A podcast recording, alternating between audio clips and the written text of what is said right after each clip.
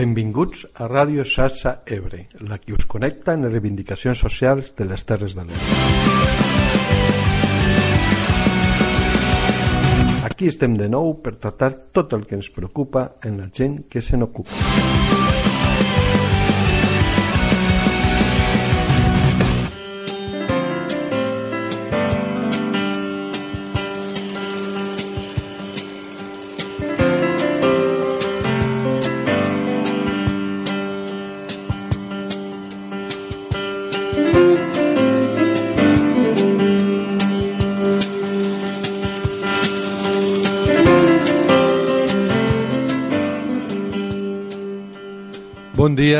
Audiència.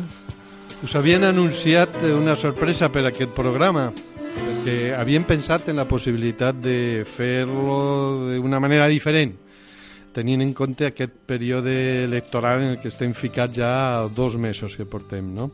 La idea era entrevistar a un parell d'agrupacions de lectors o plataformes així amples i posar-los una bateria de preguntes sobre com pensen tractar els temes que aquí hem anat abordant, no? hem anat desenvolupant. Però bé, la cosa ha estat més difícil del que pensàvem i tampoc volem ferir susceptibilitats, sempre hi ha algú que diu perquè jo no, tal, qual, així que al final eh, realment pensem que el clima electoral fa complicat abordar els temes de la manera que volem fer aquí, en certa serenor, en certa profunditat, almenys ho intentem, no? Passades les generals, anant cap a unes municipals, que poden ser molt importants, no ho dubtem, eh, perquè no obviem el debat polític i sabem que moltes de les solucions passen també per, la, per els representants electes. No? Però eh, considerem que la nostra contribució pot passar millor per donar elements de reflexió que puguin servir per a uns i altres. Insistim, això sí, en dos punts que ens semblen capdals. Res no canviarà sense la pressió de la gent organitzada i és imprescindible que es faci una xarxa el més densa i sòlida possible entre els que es mobilitzen en defensa del territori. Això és la raó de ser d'aquest programa i ho defensarem sempre. Dit això, avui volem abordar un tema que ens pareix fonamental i que fins ara, per unes coses o altres, havíem estat ajornant l'agricultura. Realment hauríem d'agafar la paraula tal com ella mateixa ens indica, la cultura de l'agro. Cultura en un sentit ampli, no només associada al conreu d'arbres i plantes.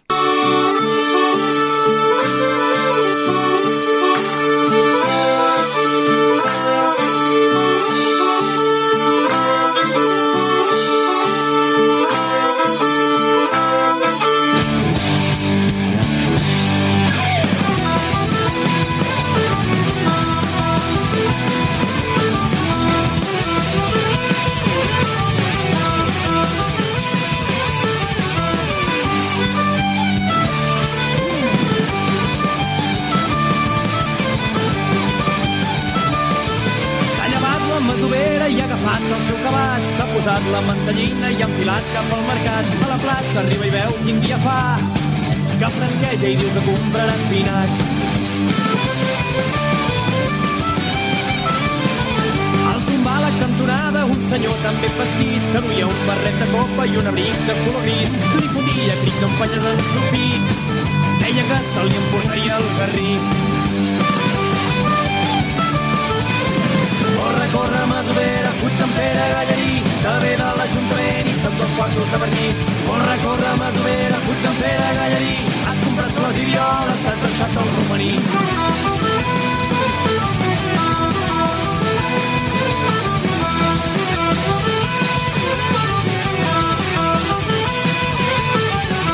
Senyor portava un cotxe i quan era mig camí se li ha punxat una roda al costat del francolí. S'ha tret el gorro i l'abric i ha sortit i algú l'ha tirat de cap al riu.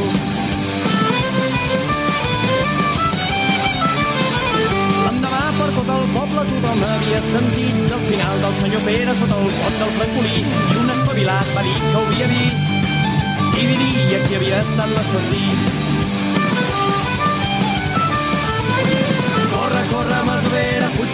Pere Gallarí, que ve de l'Ajuntament i són dos quartos de Martí.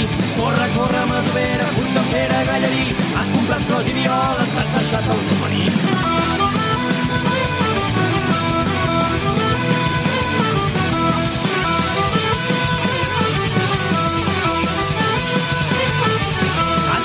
Masovera, jo la vaig veure al camí, però que ningú se'ns enfadi, farem festa aquesta nit. Passeu tots aquesta tarda pel celler, compreu vi, ratafia i moscatell.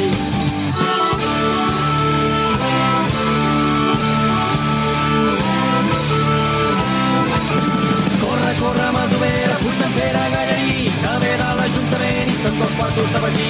Corre, corre, masovera, Puigdempera, Gallarí, has comprat flors i violes, t'has deixat el romaní.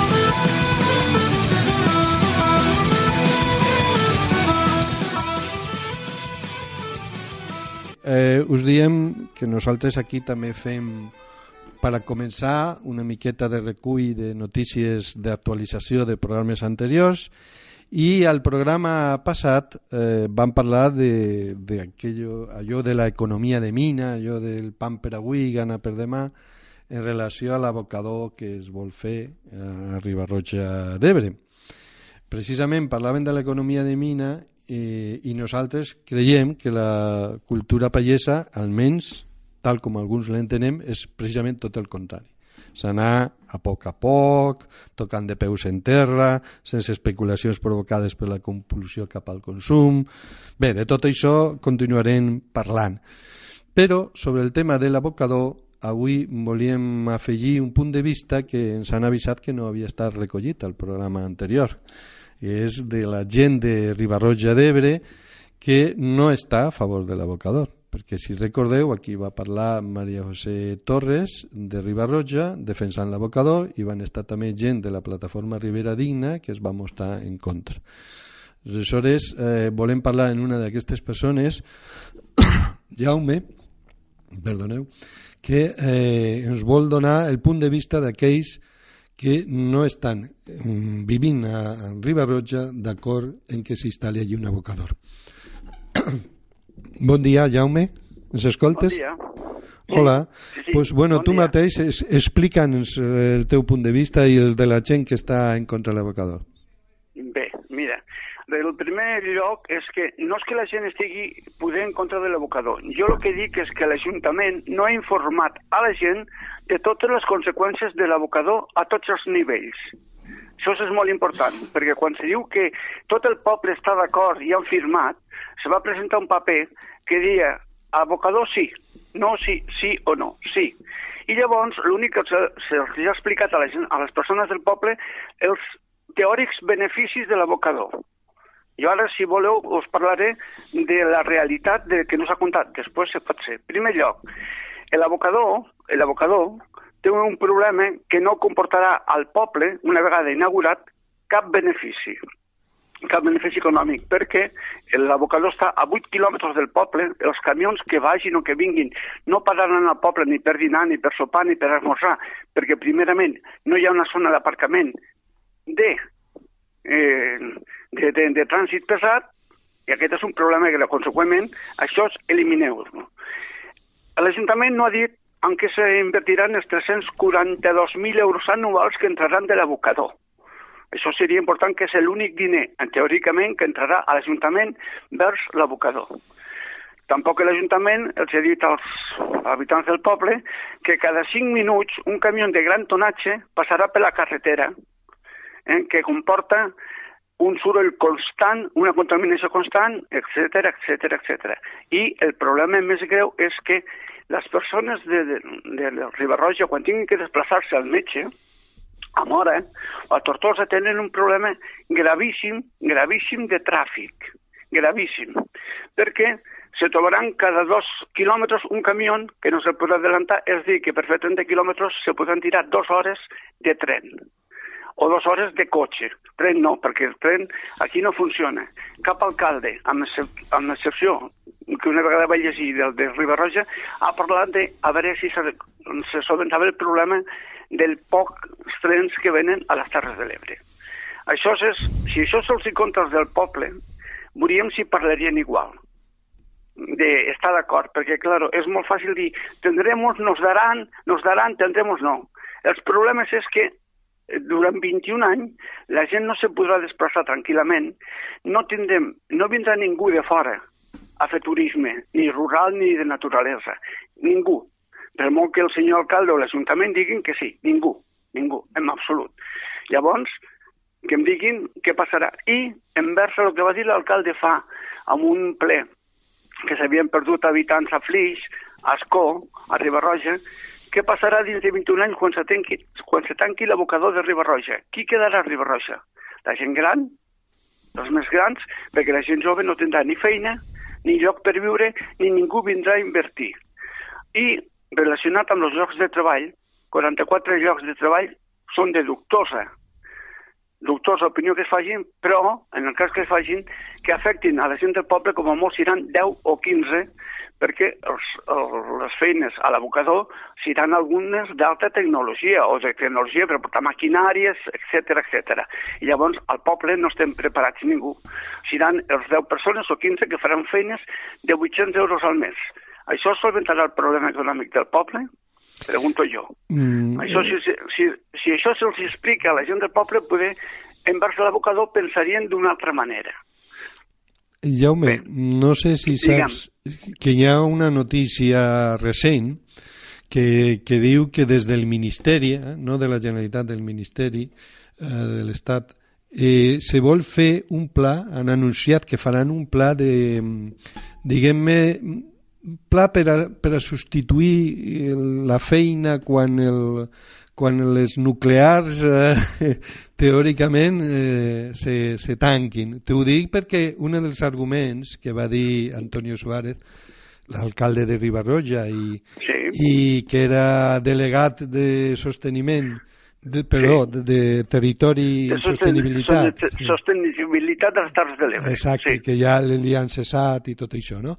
Bueno, però ell deia que el problema era que no hi havia cap pla mmm, per, a, per a quan se tanquin les nuclears i per tant s'havia de buscar la vida i que Ribarroja pues, havia trobat això de l'abocador. Com, com ho veus? Com ho veieu? A veure, és veritat que plan no n'hi ha cap, però el, el senyor Suárez i el, i l'exalcalde, que tot l'Ajuntament del ple està teòricament d'acord amb l'abocador, és tindrien que saber que l'abocador, l'abocador no és una solució per sempre ni, ni suposadament positiva, perquè l'abocador, quan aboquin tota la porqueria, tota la porqueria inclosa, inclosa el, la porqueria de vaca morta de Girona, qui vindrà aquí a les Terres de l'Ebre?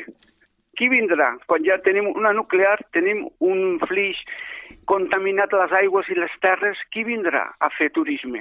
Alguna persona? Avui hi ha molta informació.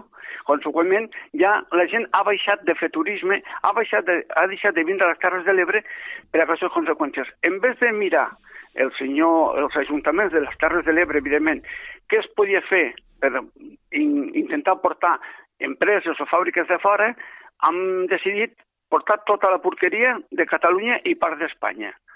No ens enganyem, perquè a part de l'abocador hi ha moltes més coses que comporten tota aquesta, tota aquesta història. Llavors, què farà el senyor Suárez, si viu al poble, si no fa lo normal que fan els alcaldes d'alguns pobles amb empreses estranyes, que quan se'ls acaba tot se'n van a viure a un altre lloc, Eh? Què farà? De, de què viurà Ribarroja? Jo li preguntaria al senyor alcalde quanta gent anirà una vegada l'abocador estigui en marxa al càmping de Ribarroja perquè la gent que va de, de naturalesa i de càmping no vol trobar-se un camió ple de, de porqueria ara, un dins de 5 minuts, un dins de 10 minuts, un dins de mitja hora, olors, males olors, mals ambients. Qui vindrà aquí? De què viurà Ribarroja? I l'únic que té són els 342.000 euros perquè a l'abocador hi ha una mentira molt gran, no de, no de l'Ajuntament. Eh? Aquesta mentira ve ja del projecte de la Generalitat o el que sigui. Se diu que està permès l'abocador per 6 milions 857.067 tones de porqueria i un permís de 21 anys. Bé, doncs aleshores això s'està equivocat erròniament o a consciència, perquè jo dels polítics i de les empreses, perquè si eh, hi ha aquesta quantitat de tones, no seran 250.000 els que entraran cada any a Ribarroja, seran 342.000 O bé, en vez de ser 21 anys, seran 28 anys. Llavors, qui vindrà a viure aquí? Com viuran tota la gent que té els 8 quilòmetres des del poble fins a l'abocador, tenen les finques als costats de, de l'abocador? Què faran a les, a les seves terres? De què viuran? Com, com circularan amb camions de gran tonatge i màquines que passaran constantment? Això els han explicat, però i a part, quan tingui que desplaçar-se la gent gran als metges, com ho faran?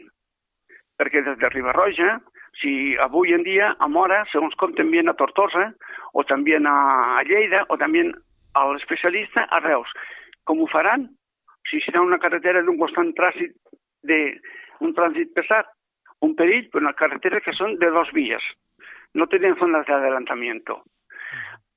Que vindrà la porqueria de Lleida, quan tinguis que anar a Mallals i te trobes els camions que baixen de Mallals cap a Flix o de Tarragona, pues, això no ho explica ningú.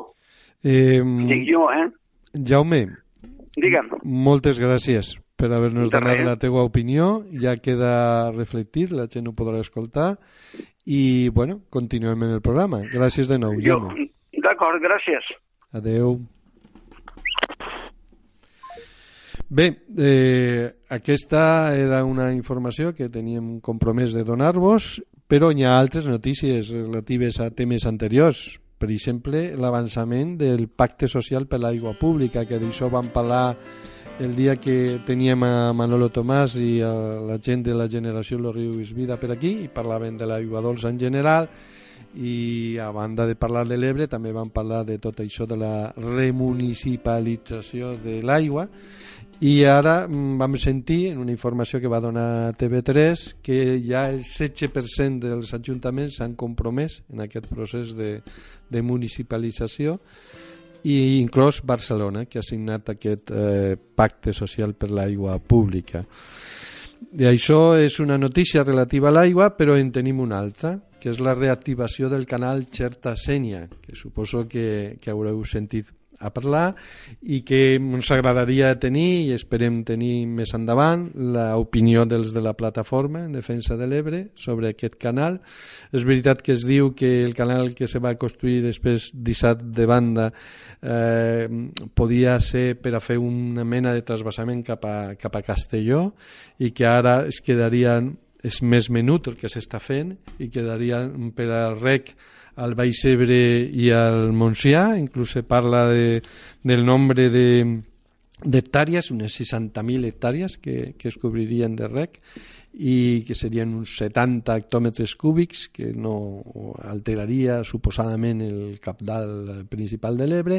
Però bueno, això és la informació que s'ha donat de manera oficial i en voldrien també tenir la de la plataforma. Però que sapigueu que en aquest tema també eh, haurem de tractar-lo amb més profunditat més endavant Eh, també us volíem comentar que precisament ahir aquí a Uldecona des d'on emetim, emetem aquest programa es va fer una trobada anomenada Àgora de l'economia social i cooperativa de les Terres de l'Ebre.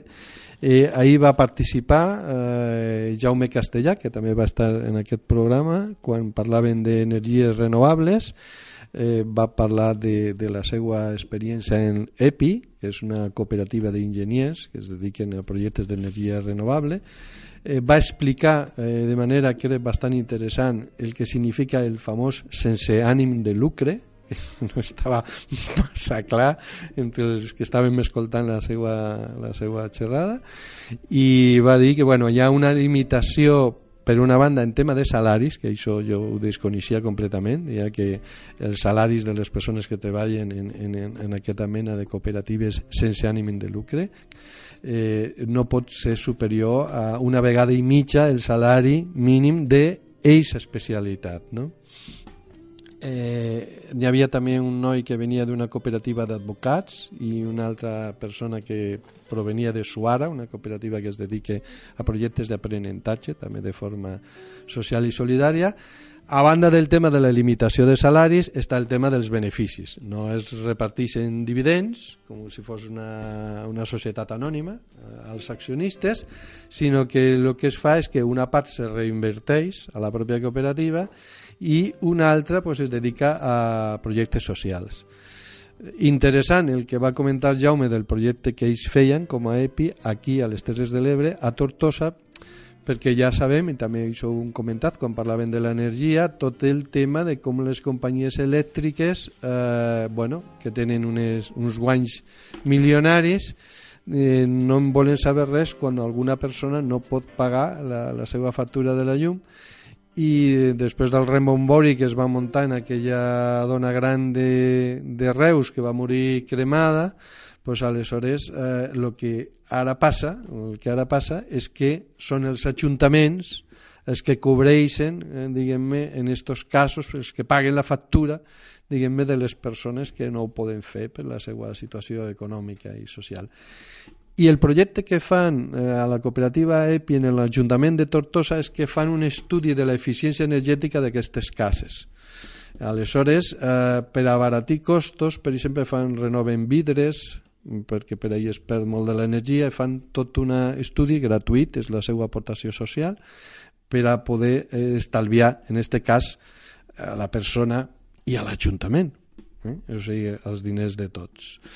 Però bueno, en, en aquesta trobada que va haver a Uldecona ahir, la veritat és que hi ha coses eh, molt interessants. Eh, per començar, l'organitzava l'Ateneu Cooperatiu de les Terres de l'Ebre. Us dono l'adreça Mm, eh, de la seva pàgina web és Ateneu Coopte, seria coop de cooperativa i TE de Terres de l'Ebre, Ateneu Coopte, tot seguit i en minúscula, .org. Ahí teniu informació. Hi ha un telèfon, que també el donaré, per a qui vulgui assessoria mm, en, en la creació d'empreses de, de l'economia social i cooperativa, 682 878 2667. Aleshores, en aquest telèfon en podeu tenir també més informació. De Suara, el, que he parlat abans, una gran cooperativa en temes d'aprenentatge, eh, la seva pàgina és suara.com, Després hi ha una altra que també es dedica a assessories, és opcions. La veritat, moltes, moltes informacions interessants. Centre de Noves Oportunitats de les Terres de l'Ebre, que es diu Gentis, que també ho podeu buscar per internet, Tecolote, eh? és organització també sense ànim de lucre, eh, a què es dedica a preservació i foment del patrimoni cultural, agrari, agroecològic, natural i biodiversitat, en fi, eh, hi ha, per exemple, Tataquia, que també és de tipus educatiu, educació viva, n'hi ha wifi.net, que es dedica a, a, la, a la fibra òptica, eh? i la veritat que té uns preus molt competitius, gifi.net i Linux de Terres de l'Ebre, també la podeu, la podeu trobar per internet. Eh, bueno, tot això sota el paraigües de la Fira de l'Economia Social i Cooperativa Àgora. Ells eh, tenen l'Ateneu Cooperatiu, que és l'organitzador, una Coop Crea, que és aquest telèfon mòbil que us he donat abans per ajudar en la creació de cooperatives, i moltíssima informació més que podeu trobar a la pàgina web que us he, us he explicat. Social Clean, esta, per exemple, és molt curiosa, servei de bugaderia semi-industrial en forma cooperativa, n'hi ha la Vianda, grup de consum conscient i ecològic, hi ha moltíssimes moltíssimes coses interessants en aquesta fira. És la segona vegada, si no vaig equivocat, que es fa i aquesta vegada s'ha fet aquí a Uldecona.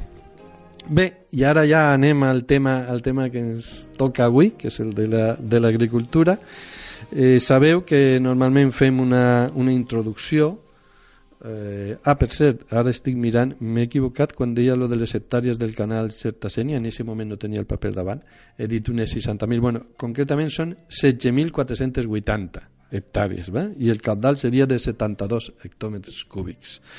Vale? Aclarir aquesta qüestió, deia que normalment el que fem és eh, entrevistem algú per a fer un plantejament general del tema.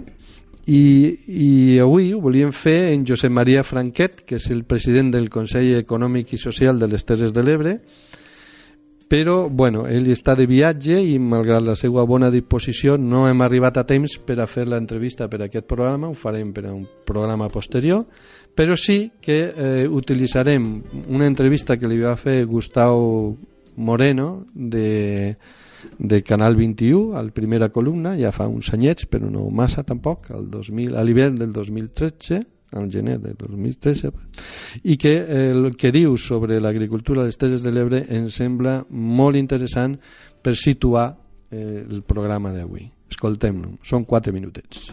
Què necessiten eh, l'agricultura, la pesca, la ramaderia, els boscos de les terres de l'AIR per, per millorar la situació actual?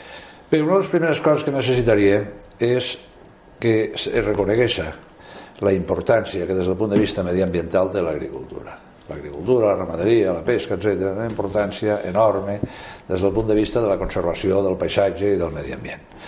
Per exemple, un dels problemes que, que assoten els nostres països mediterranis en els quals nosaltres estem absolutament incardinats, és el tema dels incendis forestals. Doncs bé, allí on hi ha agricultura, automàticament se fa un tallafoc, és un tallafoc, un camp de conreu, i es para, no? es para el foc. No? Això és una qüestió que ha quedat molt abandonada en els últims anys. El valor de l'agricultura ja no és solament el valor de la producció d'aliments, sinó el valor de tota una sèrie de béns tangibles i intangibles que tenen cada vegada més importància en la societat moderna en la qual ens trobem. No? I això fa que tinguéssim que donar molta més rellevància a l'agricultura perquè és un sector estratègic, és un sector d'aliments, això és una qüestió absolutament primària. Què és el que s'ha de fer? En primer lloc, evitar la competència desleal. Eh? Hi ha tota una sèrie de països que produeixen agricultura i no solament no són tot just els culpables ells mateixos, sinó les grans empreses multinacionals que s'implanten en ells, països del tercer món, on tenim l'obra de mà barata, tan barata que moltes vegades fins i tot són esclaus. O sigui no se'ls hi paga sinó que se'ls dona un plat d'arròs a lo millor. Per a que passen el dia? Creen allí els productes els fabriquen allí, els produeixen allí i els exporten als països del primer món a uns preus baixíssims perquè els costos de producció han estat també molt baixos. I això fa competència absolutament desleal als països del primer món. I per això s'està acabant l'agricultura als països del primer món. I per això ha de ser subvencionada l'agricultura als països del primer món. Aquest cercle viciós s'hauria d'acabar. Després hi ha una segona qüestió i és que no té cap sentit que l'agricultor que el ramader no puguen viure pràcticament de, dels seus productes, eh, que és el seu sou en definitiva, perquè són molt baixos els preus que se'ls hi paguen. I l'ama de casa, o estem el mateix eh, agricultor, quan va al súper, quan va a la botiga a comprar-los, tampoc pugui viure degut a lo cars que són. Uh -huh. Això no té cap sentit, això no s'ha vist a cap lloc. En aquests moments, per exemple, en el nostre territori, és un territori típicament citrícola, típicament taronger. Aquí tenim olives, tenim taronges, tenim arròs, a la Terra Alta tenim vinya sobretot, tenim també fruits secs, etc. No? Però bé, citant-nos per exemple el tema dels cítrics, ara estem en plena recolecció de cítrics, estos mesos de l'hivern 2012-2013, escolta, al camp en estos moments la taronja s'està pagant a 20 pessetes a 20 pessetes, a 15 pessetes, estem parlant de preus d'abans, no? que serien doncs, 20 cèntims, eh? serien 10 cèntims. Això és el preu que s'està pagant la taronja en aquests moments. Si vostè va a qualsevol botiga de Barcelona, de Tarragona, de Madrid o de Lleida a comprar-se un quilo de taronges a qualsevol súper o qualsevol hiper se la trobarà fàcilment a un euro i mig, a dos euros tal. o sigui que passem de 20 cèntims a dos euros. És exactament 10 vegades més. És un 1.000% d'increment. Això no té cap sentit. Podria ser el doble, podria ser el triple, per les despeses de transport, per alguna despesa de conservació, per algun destrio, per algun rebuig, eh, que pugui haver, efectivament, però no té cap sentit que sigui 10 vegades més. I això és tremendament dolent, perquè a més a més impedeix el consum per un altre costat i a més a més provoca inflació. Què fan les nostres autoritats? Absolutament res. Es preocupen de la pròxima campanya electoral. Bé, resulta interessant que José María Franquet destaqui el tenir en compte la importància mediambiental de l'agricultura perquè això lliga en una cosa que han dit diverses vegades a aquest programa que és de que si algun sector eh, de població, un sector econòmic, fa una feina que repercutís en el bé del conjunt, això s'hauria de tenir en compte per al conjunt per afavorir d'alguna manera. No? I això és el que pensem que no passa precisament massa en el tema de l'agricultura. També ens interessa molt el que ell diu de les empreses, eh, bueno, ell parla de multinacionals, eh, nosaltres en podíem parlar. De fet, eh, ahir, a la xerrada que us comentava de Jaume Castellà, ens diu una cosa ben curiosa, parlant de, de cítrics també.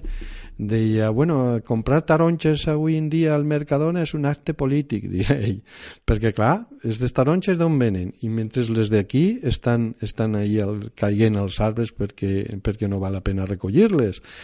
I, i, i precisament avui, gràcies a, parlant altra vegada també de taronges, el col·laborador del nostre programa, Enric Langen, ens ha enviat un, una notícia que parla de, la, de les taronges a València, la caiguda del 80% dels preus, és l'article de, de les províncies d'ahir, dissabte 11 de maig, explica que bueno, mm, el preu diguem-ne de sosteniment per a que resulti mm, cobrir costos, diguem-ne, és de 3 euros la roba. I és un preu que s'havia mantingut durant molts anys, que l'any passat va pujar un tant, però que ara ha baixat en guany a 1,10 o sigui, 1,10 euros la roba. Si no vaig equivocat, això venen a ser 10 cèntims, encara menys de lo que deia José María Franquet, que parlava de 20 cèntims. Ha baixat, ha baixat enormement. O sigui que s'està venent, se l'està pagant a l'agricultor per sota, molt per sota del preu de cost eh, en el tema aquest. I l'article explica eh, que això és perquè empresaris valencians com per exemple el senyor Roig de Mercadona, el que fan és comprar la taronja a Marroc, a Sud-àfrica i a altres països i que després la passen per aquí, li paguen, com deia Josep Maria, un preu molt més baix als treballadors d'aquí i pressionen els agricultors d'aquí perquè baixen els seus preus. És la competència que deia ell, d'això en parlarem al programa. També esmenta l'article el tema de Rússia, perquè clar, eh, aquí la Unió Europea es va sumar a un bloqueig que s'imposava des dels Estats Units i els russos han reaccionat també eh, de manera, diguem-ne, simètrica i el resultat ho estan patint els agricultors de, de la zona i concretament els que produeixen taronges. bueno, com tenim aquí i ara ja passo a, a presentar-vos els convidats d'avui, eh, en tenim a, a Roser Bargalló, que ve des de la Serra d'Almos, un petit poble de la Ribera, quasi entre Ribera i Priorat, ahí entre tots dos. Bon dia, Roser, gràcies per haver vingut. Bon dia. I en tenim a, a Carlos Roig, que ve d'aquí d'Alcanar, que ha estat eh, fins fa poc responsable de Cítrics a la Unió de Pagesos, que coneix també bastant bé la situació al País Valencià i que ens parlarà d'això després que posem una miqueta de la sintonia de Terres de l'Ebre. Bon dia, Carlos. Bon dia. Gràcies també a tu per vindre.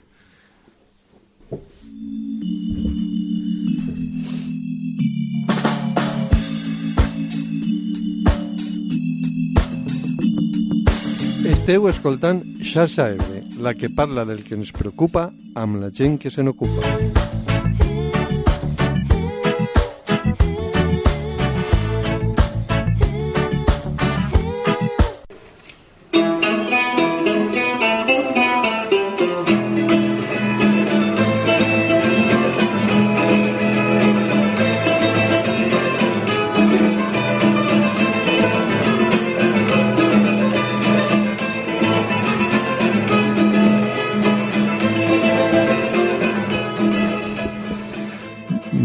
Cançó que, la cançó que escoltàvem no cal que la presentem, ja l'heu sentit unes quantes vegades, i els dels Kikos, però sí he de comentar que la, la que heu sentit anteriorment, la Masovera, és del grup Every Night, per dir cada un no, d'on ve. Bé, començarem per tu, Carlos. Eh, José María Franquet parla del preu de les taronges. Tu hi hem comentat unes quantes coses ara. Tu has estat responsable de Citis, com dèiem, de la Unió de Pagesos. La primera pregunta és com veus el que ell comentava, aquesta diferència abismal entre els preus al productor i al consumidor i què feia o què fa o què pot fer o què farà la Unió de Pagesos per combatre això i en general les agrupacions de, de pagesos. Bueno, eh, bon dia. Eh, bueno, els sindicats en general el que estan fent a dia d'avui, la Unió, la Unió de Llauradors, i tots els sindicats, més o menys en, en, en, este, en, este, en este tema que tenim a, a dia d'avui, és intentar defensar el que és el, el que és el pagès, el que, és, el que serien uns preus dignes per poder cobrar el pagès. Eh, com se defensa això? Pues se defensa demanant que realment s'apliquin les lleis a la cadena alimentària, una cosa que no s'està fent, és molt llarg d'explicar, però realment, vull dir, quan un consumidor paga un preu per un producte, al pagès li té que arribar un, un tant per cent important vale? o substancial d'aquest producte. Això a dia d'avui encara no passa. Fa tres anys que tenim aquesta llei i aquesta llei a dia d'avui no, no agafa, no s'aplica com s'ha d'aplicar i a dia d'avui eh, la mitja d'estany ha sigut que la, el consumidor ha pagat a Espanya 1,38 euros per quilo la taronja o clementina, o sigui, són preus mitjos i al pagès com a molt arribaran de 10 a 12 cèntims per quilo d'este d'este euro i pico que ha pagat més que 10, més que 10 a 1 encara més. És més, és entre un 12 i un 15 Mare meva. vale? eh, la roba són 12,78 quan es parlaves d'un euro i pico la roba no arriba, no arriba ni a 8 cèntims la mitja eh, pensem, hem de pensar que molta collita ja no s'ha collit i que molta collita s'acabarà cobrant a molt menys de 5 i 6 cèntims. Això és la realitat actual Tremenda, tremenda. I en relació a allò que deia, de la, que deia Josep Maria també, de la, de la competència en altres països, del tercer món i, mm. i tot això de, de, dels empresaris que se'n van a, a produir o a recollir la producció a altres països i després fins i tot passant per aquí, camí de França i del sí. nord d'Europa, què es podria fer per defensar, diguem això que diem, una vida digna pels pagesos d'aquí sense, sense fer mal als d'allà, no? Com, com es podria pressionar l'Estat, a la Unió Europea, a la Generalitat, a qui sigui? Eh, diverses cosetes prèvies. Eh, segons la FAO, en aquests països tercers que estan produint taronja, cada vegada hi ha més gana i cada vegada tenen menys, menys economia. Per tant, cada vegada són més esclaus, sobretot de les empreses d'aquí que estan allà sobre, sobreexplotant-los. Aquesta és la realitat, diguéssim, allà. A la part d'aquí que tenim, aquí tenim una comunitat econòmica europea que cada vegada està legislant de manera que sigui més fàcil i més lliure i sense arancels entrar fruita de fora, cítrics i molta altra fruita i, i hortalissa sense pagar arancels en les normatives de fora. O sigui, tot això basat en normatives OMS i no normatives restrictives com les europees. O sigui, aquí hi ha moltes coses que es troben al mateix joc. Fa tres anys se va llevar inclús el tractament en fred, que era obligatori per a poder entrar la taronja a Europa. En quan nosaltres, els europeus, quan enviem a la resta del món, tenim que enviar en tractament en fred. No per res, sinó per acabar les plagues que pugui portar aquella collita i al país receptor que no entri una malaltia de quarantena o el que sigui. Fins, a això, fins i tot això, a Europa ja és, ja és completament vull dir, aquí pot entrar i de fet bueno, estan entrant plagues i malalties que no teníem perquè ja, ja, no, ja no és obligatori ni el tractament en fred. No, o sigui, anem cap enrere. Jo recordo eh, l'any 86 i per ahir, els següents, quan va entrar mm. Espanya a la Unió Europea, que es parlava d'un concepte que defensaven molt els francesos, que era el de la sobirania alimentària. Eh. Aleshores, s'havia de produir suficient aquí per a menjar els d'aquí, per a no dependre des de fora. Això sembla que seran terroris eh, portem uns anys que anem al revés. Portem uns anys que el que estem fent és intentar és intentar que, que, el, que, el, que el producte de fora entri amb més facilitat perquè Europa vol, vol mitjar, teòricament Europa vol que, els consumidors vai, com, comprin a baix preu els productes agrícoles, sobretot els del, els del sud del, els, els del Mediterrani, que són els que fa, més fàcilment poden entrar del tercer món. Eh, dades, eh, a Espanya, a Espanya, el conjunt del llevant espanyol exporta a Europa, o sigui, a la resta de països membres, una mitja cada any de 3, 3 i mitja, 3, de 3 a 3 i mig milions de tones de taronja. Espanya, Europa. Eh, L'any passat, Holanda ne va exportar 6 milions de tones. Holanda no té cap taronger. Uh -huh perquè sapiguéssiu com, com entra la taronja, vull dir, no, a, a Europa és molt deficitària en taronja i clementina. Vull dir, no, en la que es fa, diguéssim, dins d'Europa no n'hi no ha ni va començar.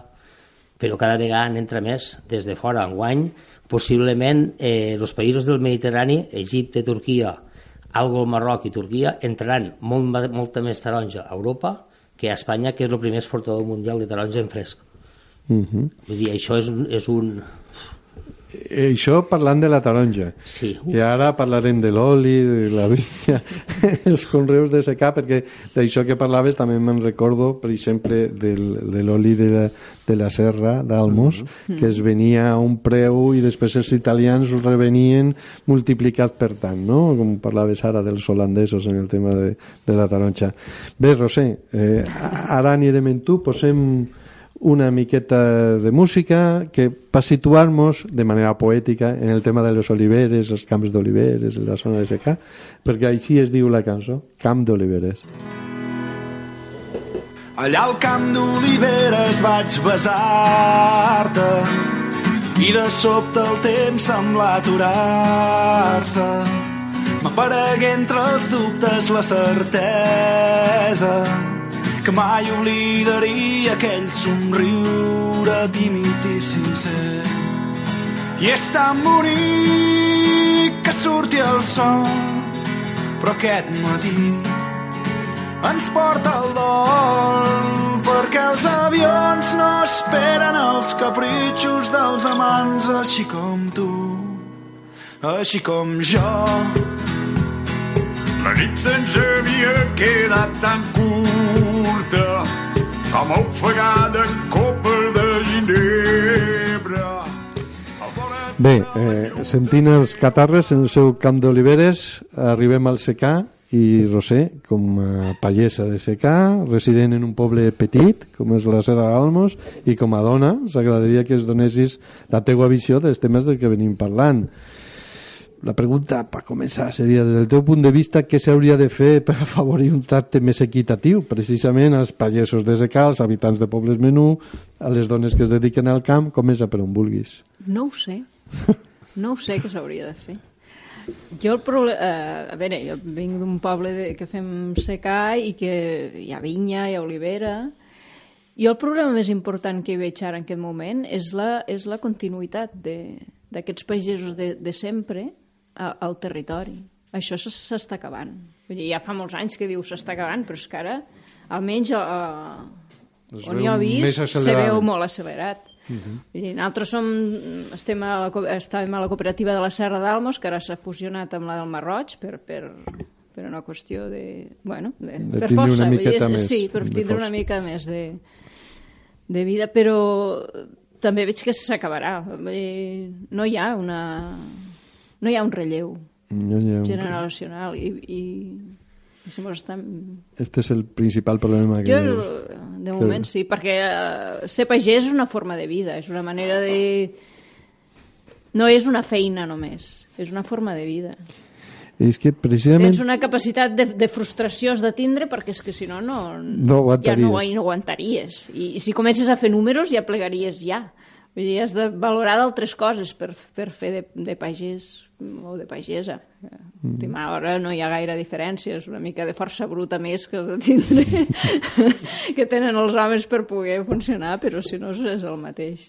I jo que el pr principal problema que veig ara en aquest moment és a, aquesta, almenys en aquesta zona nosaltres estem a la Ribera però estem més vinculats al Baix Priorat eh, que per orografia inclús per, per habitants els pobles més o menys és, són més semblants al que és el Baix Priorat, Capçanes, Guiamets, estes d'això, que sí que hi ha una implantació de, de gent que, que fa la seva bodega i fa el seu vi, gent jove, moltes vegades gent de fora que ha vingut aquí a, a fer això, però el que és lo pagès de tota la vida, mm, això s'acaba. D'això volia parlar-te, perquè se diu que la cultura pallesa té valors d'autenticitat, d'austeritat, de reciprocitat, d'equilibri, tantes coses que, que seria interessant conservar i que s'estan perdent. Se, penses que s'està diluint la cultura pallesa cap a este món consumista en el que vivim? Se l'acusa de ser massa conservadora també? És, és injusta aquesta crítica o com ho veus? Hi ha de tot, hi ha de tot. Sí que pot ser una mica conservador en el sentit de, de, d'una qüestió mm, intrínseca del pagès, vull dir, allò resistim, els pagesos resistim, però això no vol dir que siguem conservadors amb idees, diguéssim. Mhm, políticament Pot- conservador. Políticament conservadors no té res a veure, vull dir, és una altra, una altra cosa, al contrari, vull dir, el fet de que d'estar en cooperatives o d'intentar fer coses diferents, vull dir, també, també hi és, però, la realitat se mos tira a sobre. O sigui, tu ho ves, eh, ho veus negre, això de que es pugui conservar aquests valors que podia portar la cultura pallesa al conjunt. Jo sí, sí, sí, veig que va desapareixent. El que veig és que hi haurà grans em empreses o empresaris que tinguin calés, que faran grans extensions i, i d'això, però el que és la, la finca petita, l'economia familiar i això, ho veig difícil que això segueixi subsistint. Vull dir, mentre aguantem els que ara hi som, sí, però avui en dia no, no hi ha un relleu generacional. No hi hauria alguna manera potser això ho parlem després també més àmpliament en conjunt, però alguna manera d'establir algun tipus de, de, no sé, de vincle de, en, en esta gent jove, per exemple, que està protestant per com se malmet el planeta, que com s'està destrossant, això no podia ajudar una miqueta en aquest sentit a renovar fent algun tipus de contacte amb ells? Mm, sí, i amb, i, amb, i amb el consumidor en general. El que parlàveu ara de les taronges, vull dir, és una qüestió de, de que el consumidor es faci responsable del que està passant. Vull dir, si tu compres una, una taronja a Sud-àfrica, és evident que, que, que t'estàs tirant pedres a la teva taulada. Vull dir, Sí, és el mateix és que, que, es diu, que es diu quan se compra certa cosa al millor a, a ser a, als xinesos, que al millor tenen uns preus més barats, però que les condicions laborals en què s'han produït aquests productes eh, bueno, no serien les que voldrien per aquí i estan no. arribant. I estan ja, vull dir, fer una compra responsable, fer una compra de proximitat, vull dir, comprar les, les, les taronges aquí, no comprar-les a... Bueno, que hi ha gent que ho fa, vull dir, hi ha gent que ho fa, hi ha gent que ja té la seva cooperativa que intenta cooperatives de consum. Uh -huh, uh -huh. Però clar, això és producte més viu. El que és naltres, per exemple, la, que necessita una elaboració i una... és diferent, el vi i l'oli potser és una, un tema diferent. Amb, és més, uh, més complex. Sí, el, el diner amb taronja o amb verdura o amb d'això és un diner més viu. Uh, el, el territori de secà, si fas vinya o si fas olivera, eh, bueno, hasta que no cobres la collita és l'any que ve. Vull dir, sempre és... Uh -huh Oh. Tens un any de... Oh. A Valtos també esteu oh. igual? Bueno. Però vull dir que hi ha, hi ha d'una eh, elaboració, és, és una altra cosa, no tens tanta bueno, tanta el, marge de maniobra, diguéssim. El que passa, la diferència Però, bueno, és, un, és un producte molt per SD, molt bé, per SD, que llavors, té... eh, quan hi ha problemes de mercat, encara són més greus. Clar, tot té el seu pro i el seu sí, contra, evidentment. Sí, sí. sí, sí. I, per exemple, això que, que parlàvem de... Bueno, perquè jo recordo, en converses en pagesos de, mm. de la Serra i de, de la zona en general, que la gent el tema de les subvencions no ho veu clar, perquè no. subvencions és una manera que te fa dependre, eh, això de les compensacions, com, per exemple, recordo que aquí també un programa hem comentat alguna vegada que els francesos, en esta línia que us deia abans, parlaven de que l'agricultura de muntanya s'havia de subvencionar per, perquè el pagès pogués viure a la muntanya com viuria, diguem-ne, baix, perquè si no se desertitzava aquesta zona i això acaba fent mal als de més baix, no? Mm. Entonces, este concepte de subvenció jo crec que en canvi per lo que jo he pogut veure, no és massa ben rebut. Se parla més de que hauríem d'intentar preus justos. El tema està com s'aconsegueixen aquests preus justos. Això és molt difícil. Clar, la subvenció només, bueno, és una, mira, l'acceptes perquè és una ajuda més i tal, però no és, la, no és el que volem. No mm -hmm. és el que volem. I en quant a, a, a lo que és el territori, ara el, tenim molts problemes també de, de, de fauna salvatge. Els jabalins, oh. el porc senglar i el cabirol, ara estan entrant, i més que entraran, perquè cada vegada es va perdent més, més territori, cada vegada entren més. O sigui, hi ha més pinar... I és un problema afegit d'aquesta... No, de la gestió de, de tot el territori, no només de la gestió de l'agricultura, sinó de, de del, tot en general, conjunt, del paisatge. Conjunt, del paisatge, del, paisatge, del món el paisatge rural, del camp... Canviarà, uh -huh. ja està canviant. Uh -huh. Aquí parlàvem precisament de... Eh, hi ha una proposta de que s'ha de fer una carta del paisatge per a tratar d'integrar tot en el conjunt, la part econòmica, però també, la, mm -hmm. tot, millor dit, totes les facetes que estan al voltant d'un paisatge. Bé, moltes gràcies a tots dos. Per ara obrim els micros. Eh, recordeu el número de telèfon. El tens per ahí, Juan Carlos? 698 39 30 30 63. Per si voleu participar, perquè ara, després d'una música, en este cas tots els colors del Delta, a més dels Kikos, eh, entrarem a un debat obert en els que estem aquí i els que pugueu intervenir des de fora, si voleu.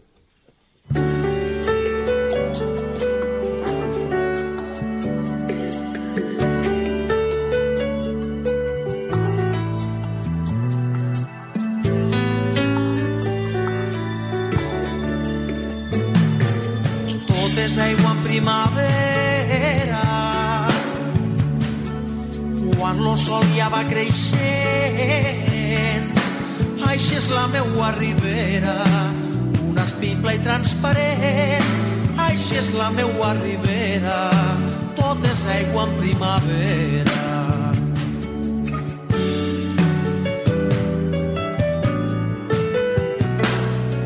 Tot un camp verd a l'estiu esperança i alegria és un cant per al meu riu. És quan més llarg està el dia. És un cant per al meu riu. Tot un camp verd a l'estiu.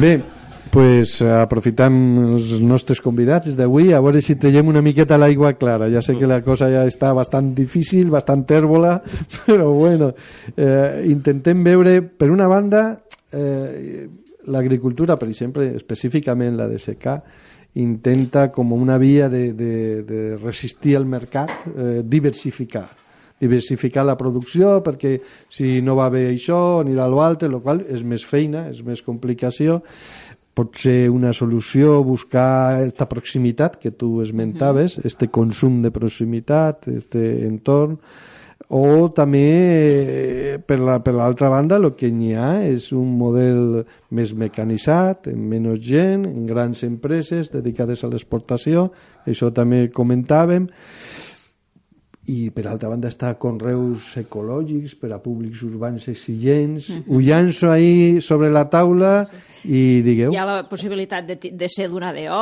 eh, per exemple, la DO Montsant o la DO Siurana en el cas de l'oli, però tampoc no és garantia de que això sigui, sigui millor.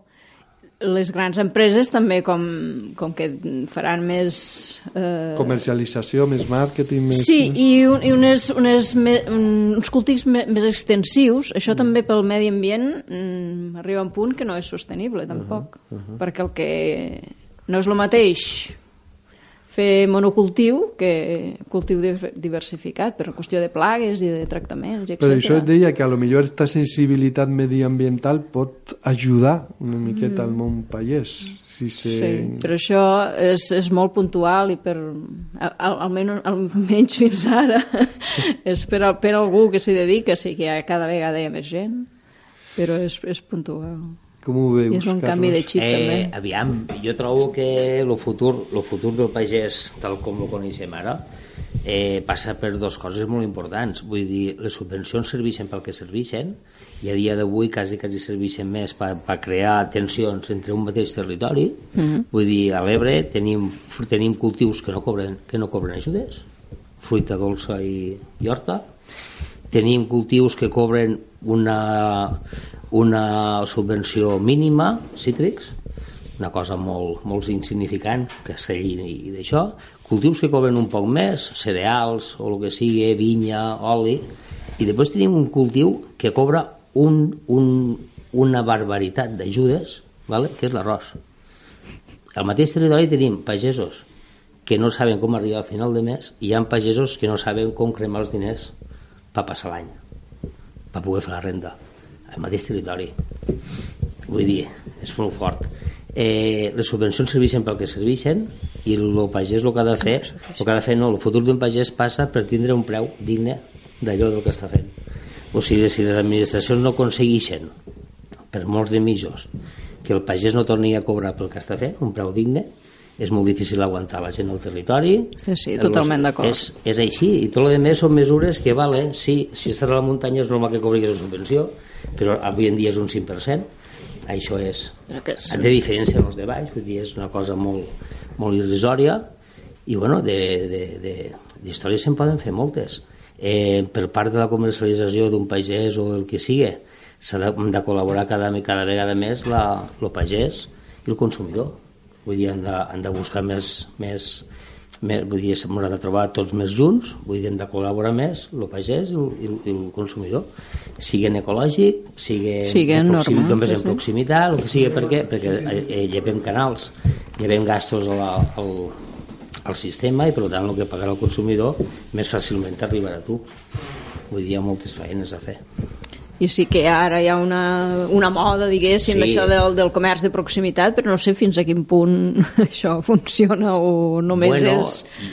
Són coses que es diuen i res que fa més. molts anys que ens dediquem, pues sí, funciona, però encara en un nivell molt baixet. Molt baixet, molt molt baixet. baixet. No dona per a, per a lo que realment s'està produint a les nostres contrades. No, Mhm. de moment no. Bueno, hi ha una persona que vol intervenir, Juan Carlos, Sí, endavant. sí aprofitant, aprofitant que estic aquí, jo, eh, se m'han ocorrit un parell de preguntes. Una concreta. Esta, eh, parlava Vicent d'esta consciència ecològica i d'esta que podria ajudar de la Mm. gent que, que una mica... Jo és que ho tiraré per l'altre costat. És possible que aquesta consciència ecològica, que moltes vegades no és gent vinculada al, al camp, al mitjà rural, en lloc d'ajudar a vegades el que fa és eh, impedir, perquè a veure, no fa molt eh, hi ha hagut unes declaracions, ahir ho comentàvem amb Vicent, unes declaracions d'un eh, pastor asturià queixant-se de, de, del, de com lo, los, lo turisme, per exemple, a vegades se'ls posa pel mig i els fa que que canvien eh, maneres de fer que han fet sempre, per exemple, pues, que, que a un al mitjà rural al- aquí, per exemple, si sents olor de, de, de fems o de qualsevol cosa i no tens cap problema i massa turisme pot fer que, que, que et diguin oh, no pots fer no, no pots fer aquesta activitat perquè estàs molestant els que venen, els que venen una mica per el, per el paisatge. Què trobeu? Hi ha de tot, hi ha de tot, evidentment, però hi ha turistes que, no sé, que potser és una, volen una, una vida rural de postal, vull dir, no... Sí, a això em referia. No? Sí, jo estic segur que hi ha gent que ve i, i ho veu les coses com han de ser, com han sí. sigut sempre, mm. i bueno, és, és, com, és com si vas a Barcelona i veus cotxes, diguem, Sí. i fan soroll, no? Diguem, i, però hi ha gent que ve i pensa que ve a veure una mica Heidi de los Apeninos a los Andes, no? Sí.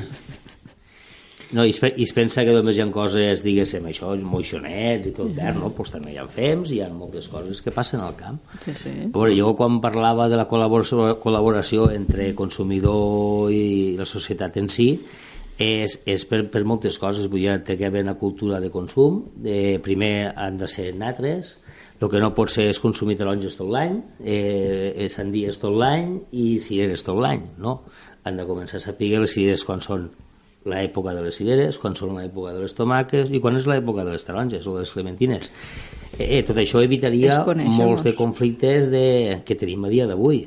Eh, és que hi ha moltes coses. A veure, el tema ecològic, a veure, què és més saludable, què és més sostenible? Una tomaca portava, portada ecològica des de Xile o una tomaca produïda a les Terres de l'Ebre per consumir, per consumir al mercat de Barcelona? Què és més normal? Inclús el, el públic de, de, diguéssim, que compra ecològic, que sembla que hauria de ser gent més, més conscienciada i més que d'això, vull dir, a, a la serra hi ha, un, hi ha un parell de xicots que es fan, fan agricultura ecològica de de- d'horta, diguéssim, i li demanaven tomàquets a l'hivern. Sí. Llavors, algú que se suposa que té una consciència que eh, dius, a veure, tomàquets a l'hivern, no. És que hi ha dos tipus de consumidor ecològic, lo, lo que té realment sap lo que, lo que porta entre mans i aquell que simplement vol comprar i vol menjar sense residus.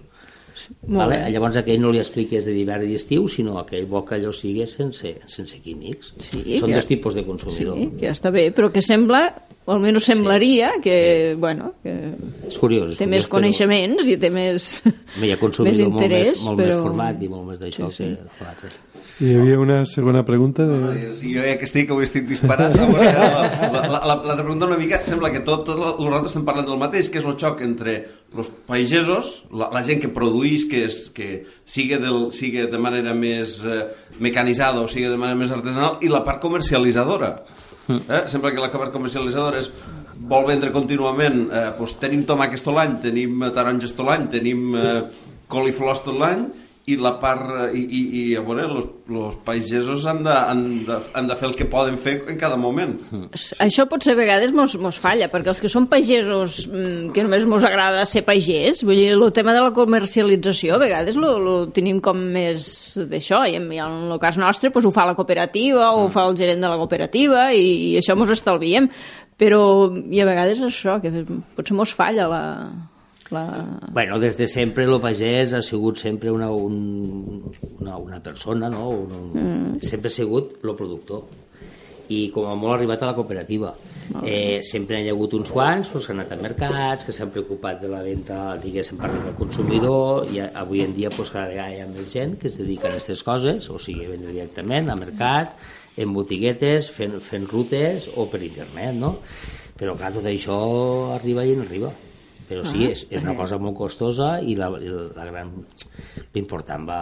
Perquè cada vegada necessites més producció per sobreviure i a sobre ho has de comercialitzar i amb, amb tot el que comporta. Cada vegada has d'implicar més i has de, fer, has, has de passar més hores sense produir. Clar, llavors, si no t'agrada la no, feina de és- comercialitzar, vull és dir... impossible, sí. sí, sí.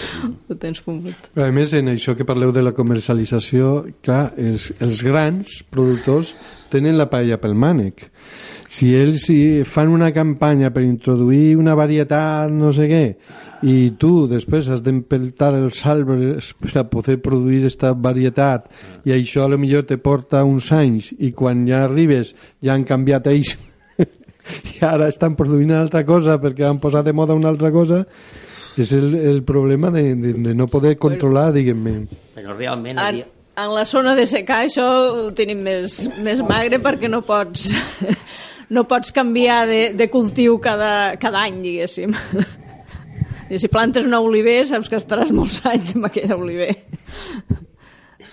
A la zona d'horta potser és més... Realment, pots anar realment fent, a dia però... d'avui a dia d'avui ja no som productors grans, és que avui a dia d'avui som ja multinacionals a Som nivell, a multinacionals. nivell sobretot de gran distribució o, o, o d'intermediaris entre països que són els que controlen des de la comercialització d'aquestes grans cadenes a les varietats que s'estan que tens que plantar perquè són les que vol el mercat, que són, les tenen patentades, Sí, sí. Ja no entrem a los transgènics, això ja seria Bueno, un, altre, el un altre tema i el un altre, un tema un altre programa. que nosaltres de moment el cítric no ens afecta, No, no, però, però que hi ha sí, un- és, un, és una problemàtica encara més greu. sí. Vull dir, el que tenim és un control molt gran i a, i a dia d'avui les grans finques que hi ha al territori, aquí més avall, ja no són de productors, productors realment productors que són molt grans, no? Són productors que participen de la comercialització, que a la vegada són amos de les varietats a nivell de la península, o sigui, ho tenen tot molt controlat.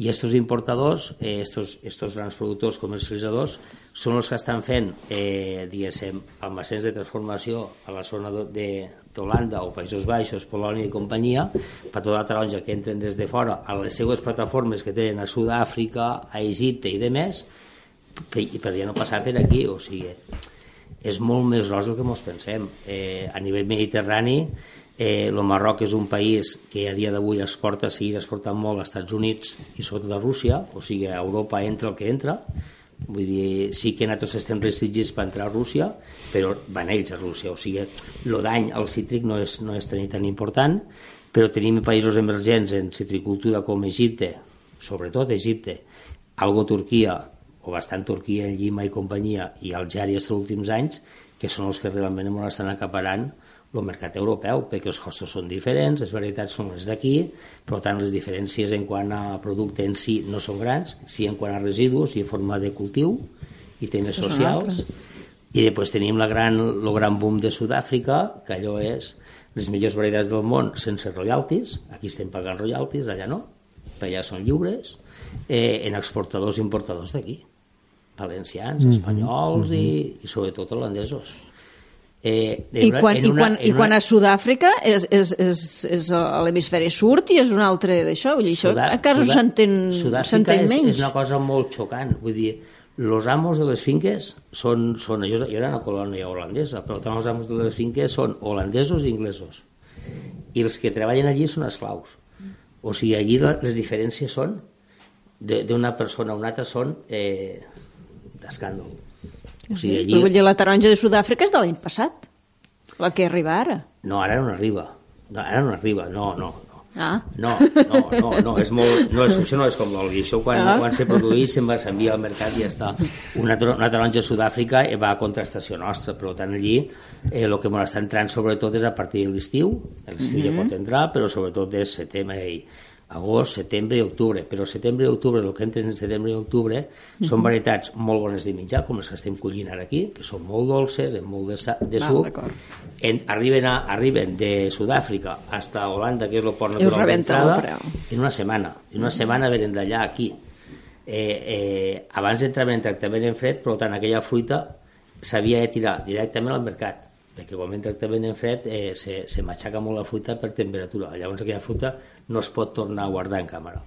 Ara enen sense tractament en fred i llavors la poden guardar en càmera dos mesos, un- una taronja dos mesos en càmera no hi ha cap problema greu, per tant aquesta taronja ja mos ha agafat tota la primera part de campanya, que és la que produïm més a les Terres de l'Ebre. Llavors, I ara que parleu de Sud-àfrica, jo és que una vegada vaig llegir que el clima mediterrani, a banda del Mediterrani, tenia dos jocs al món que Sí. tenia unes condicions que podien ser semblants. I un era Sud-àfrica i l'altre Califòrnia. Califòrnia, sí, I per ahí mos ve la, la competència, te'n deixes diguem una, te'n deixes una. I quan- Tota és- zona- Ah, la- Austràlia, també. La zona xilena. Ah, Austràlia, I no tant. Austràlia, xilena. Austràlia no tant, és més... En vi potser sí, però en, Sí, en, en zona cítric potser Xile i tot això és molt... Claro, si damunt sí. de tindre un clima que es pugui assemblar, tenir unes condicions econòmiques que els afavoreixen, pues... Bueno, a Egipte em penso que una hora de treball aquí, allà són 10 o 12 hores, i a Sud-àfrica és tot el dia.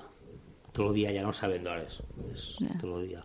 És, és, bueno, és el que introduïa Franquet al principi, no? És, aquesta manera de, de putejar a uns i als altres per parlar mal i directe i, i que surten perdent gai- gairebé tots. Bueno, bueno, a uns, la codícia d'alguns no té límits. Eh, sí, sí. Mm. I, si, I si vas llevant, i si vas fent les normatives com per a que això pugui passar, doncs pas, acaba passant això. O sigui, jo, jo sóc dels que pensen que les administracions te- tenen que fer d'administracions. Els que estem pel camp o per les ciutats no poden fer d'administracions. Ah, Llavors, diguéssim, tu has d'equilibrar les coses. El que no és possible és que si tot, tot el consum, tots els consumidors volem una protecció diguem, saludable, mm -hmm. quan tu tingues, tindràs la garantia, quan compres una taronja, allí en sigui, que sigui saludable. Perquè el que ve de fora ve en condicions diferents. Ah, perquè aquí cada, Perquè no, perquè no té les d'aquí, com a mínim les d'aquí. sí, sí, cada vegada aquí la cosa s'està No, posant més sèria, és normal, i, és, i, i, és correcte. I és... Jo, per exemple, puc, puc, puc, puc cultivar en químics, però cada vegada més restringit. Molt més. Jo, ja- jo, ja fa dos anys que no l'utilitzo, però és, el meu, és la És la meva, és la meva opció que, he- que he triat, no?, de fer ecològic. Però és que eh, lo de que ve de fora encara, se, se pot vindre en residus que aquí fa, que, que de productes que fa 40 anys que aquí no es poden utilitzar perquè són cancerígens, perquè no... es- I per què mos ho podem menjar? Estem en este nivell. Per què? Que ahí queda la pregunta. Sí, sí, però d'una fer una... Això que dies de, Sí. de la part com, com passa una taronja? O sigui, a veure, una taronja pots comprar al supermercat de- d'aquí, Sí. de la que sigui. No Sí. diré noms, però com, un que comença per M, per exemple. Per exemple. Sí, tu trobes allà les taronges que venen de Sud-àfrica, si es cultiven i fent servir fitosanitaris que aquí estan prohibits, Mm. qui, hi ha una administració en teoria que controla això. Com passen? És que és legal. És legal? És que és legal. O sigui, jo vaig fora... Sí, eh, faig... te ho explico ràpid. Mm. Eh, eh, Europa participa o és membre de l'Organització Mundial del Comerç.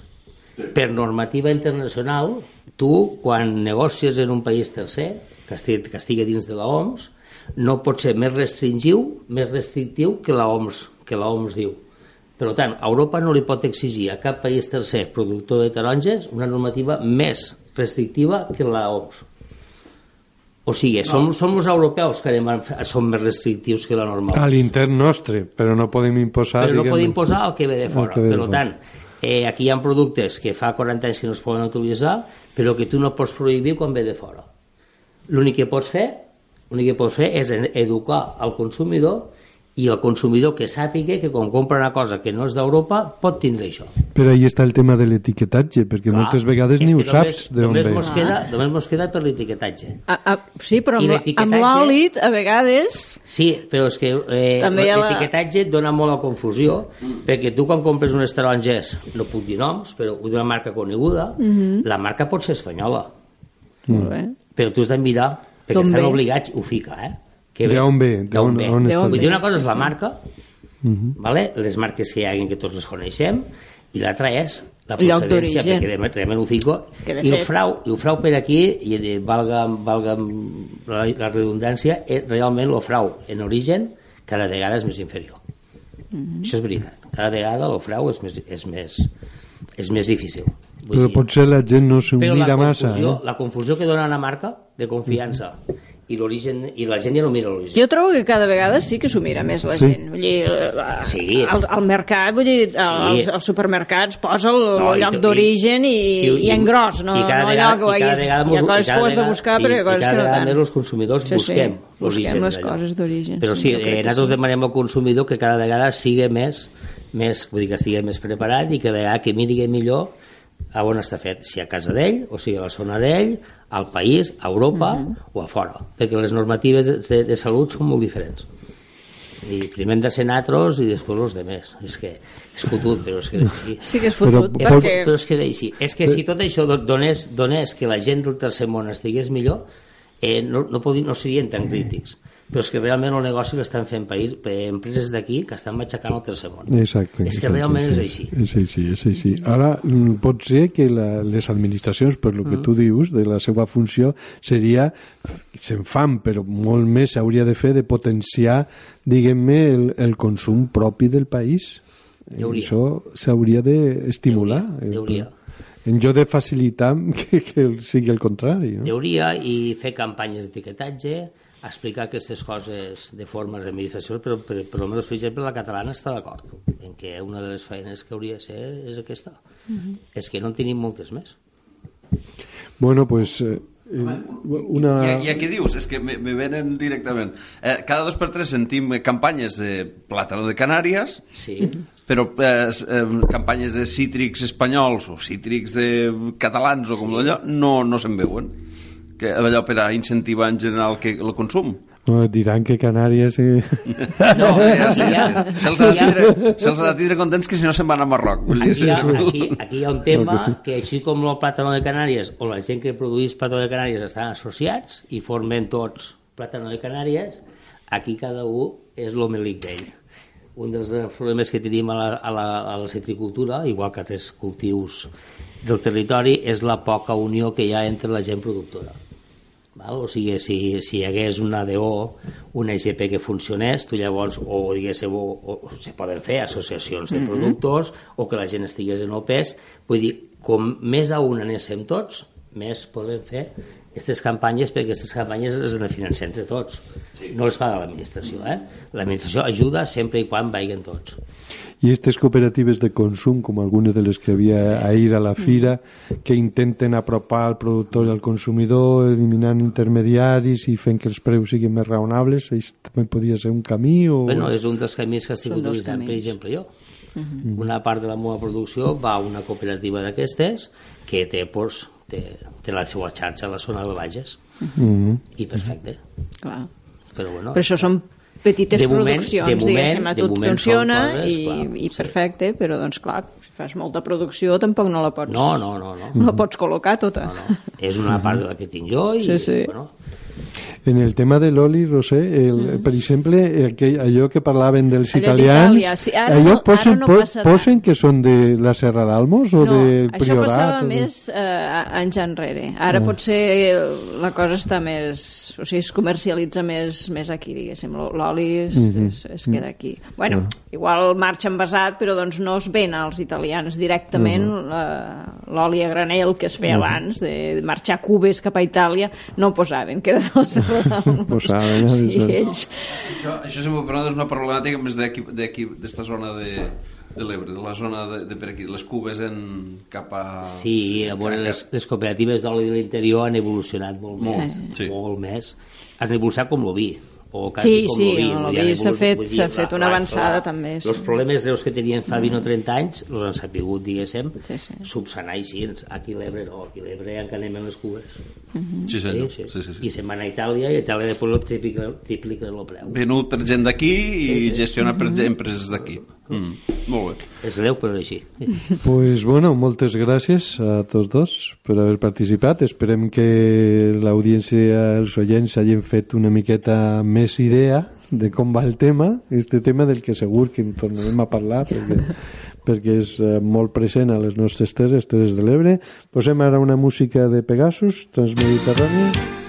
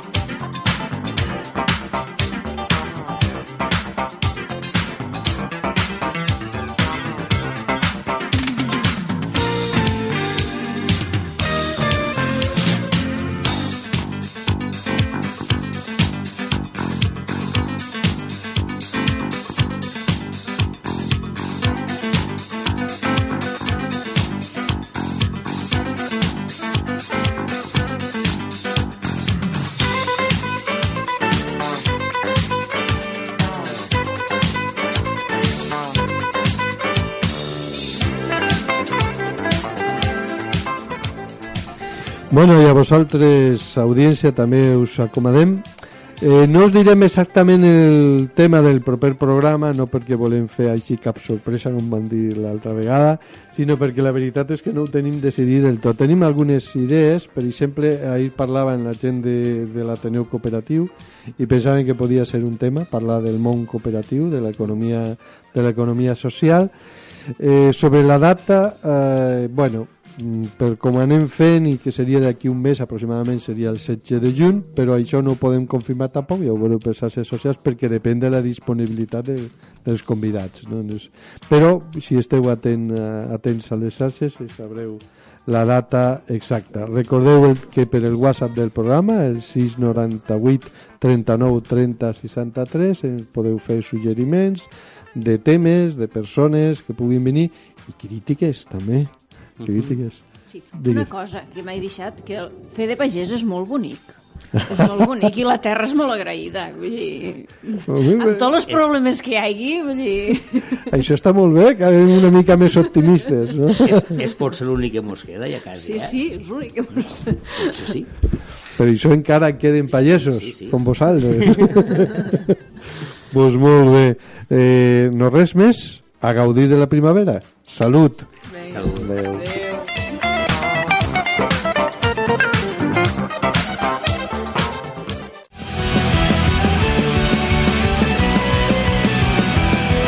T'esperem a la propera emissió de Xarxa Ebre. Ens trobaràs al WordPress, al Gmail, al Facebook, al Twitter, a l'iVox, sempre en aquesta etiqueta, Xarxa Ebre.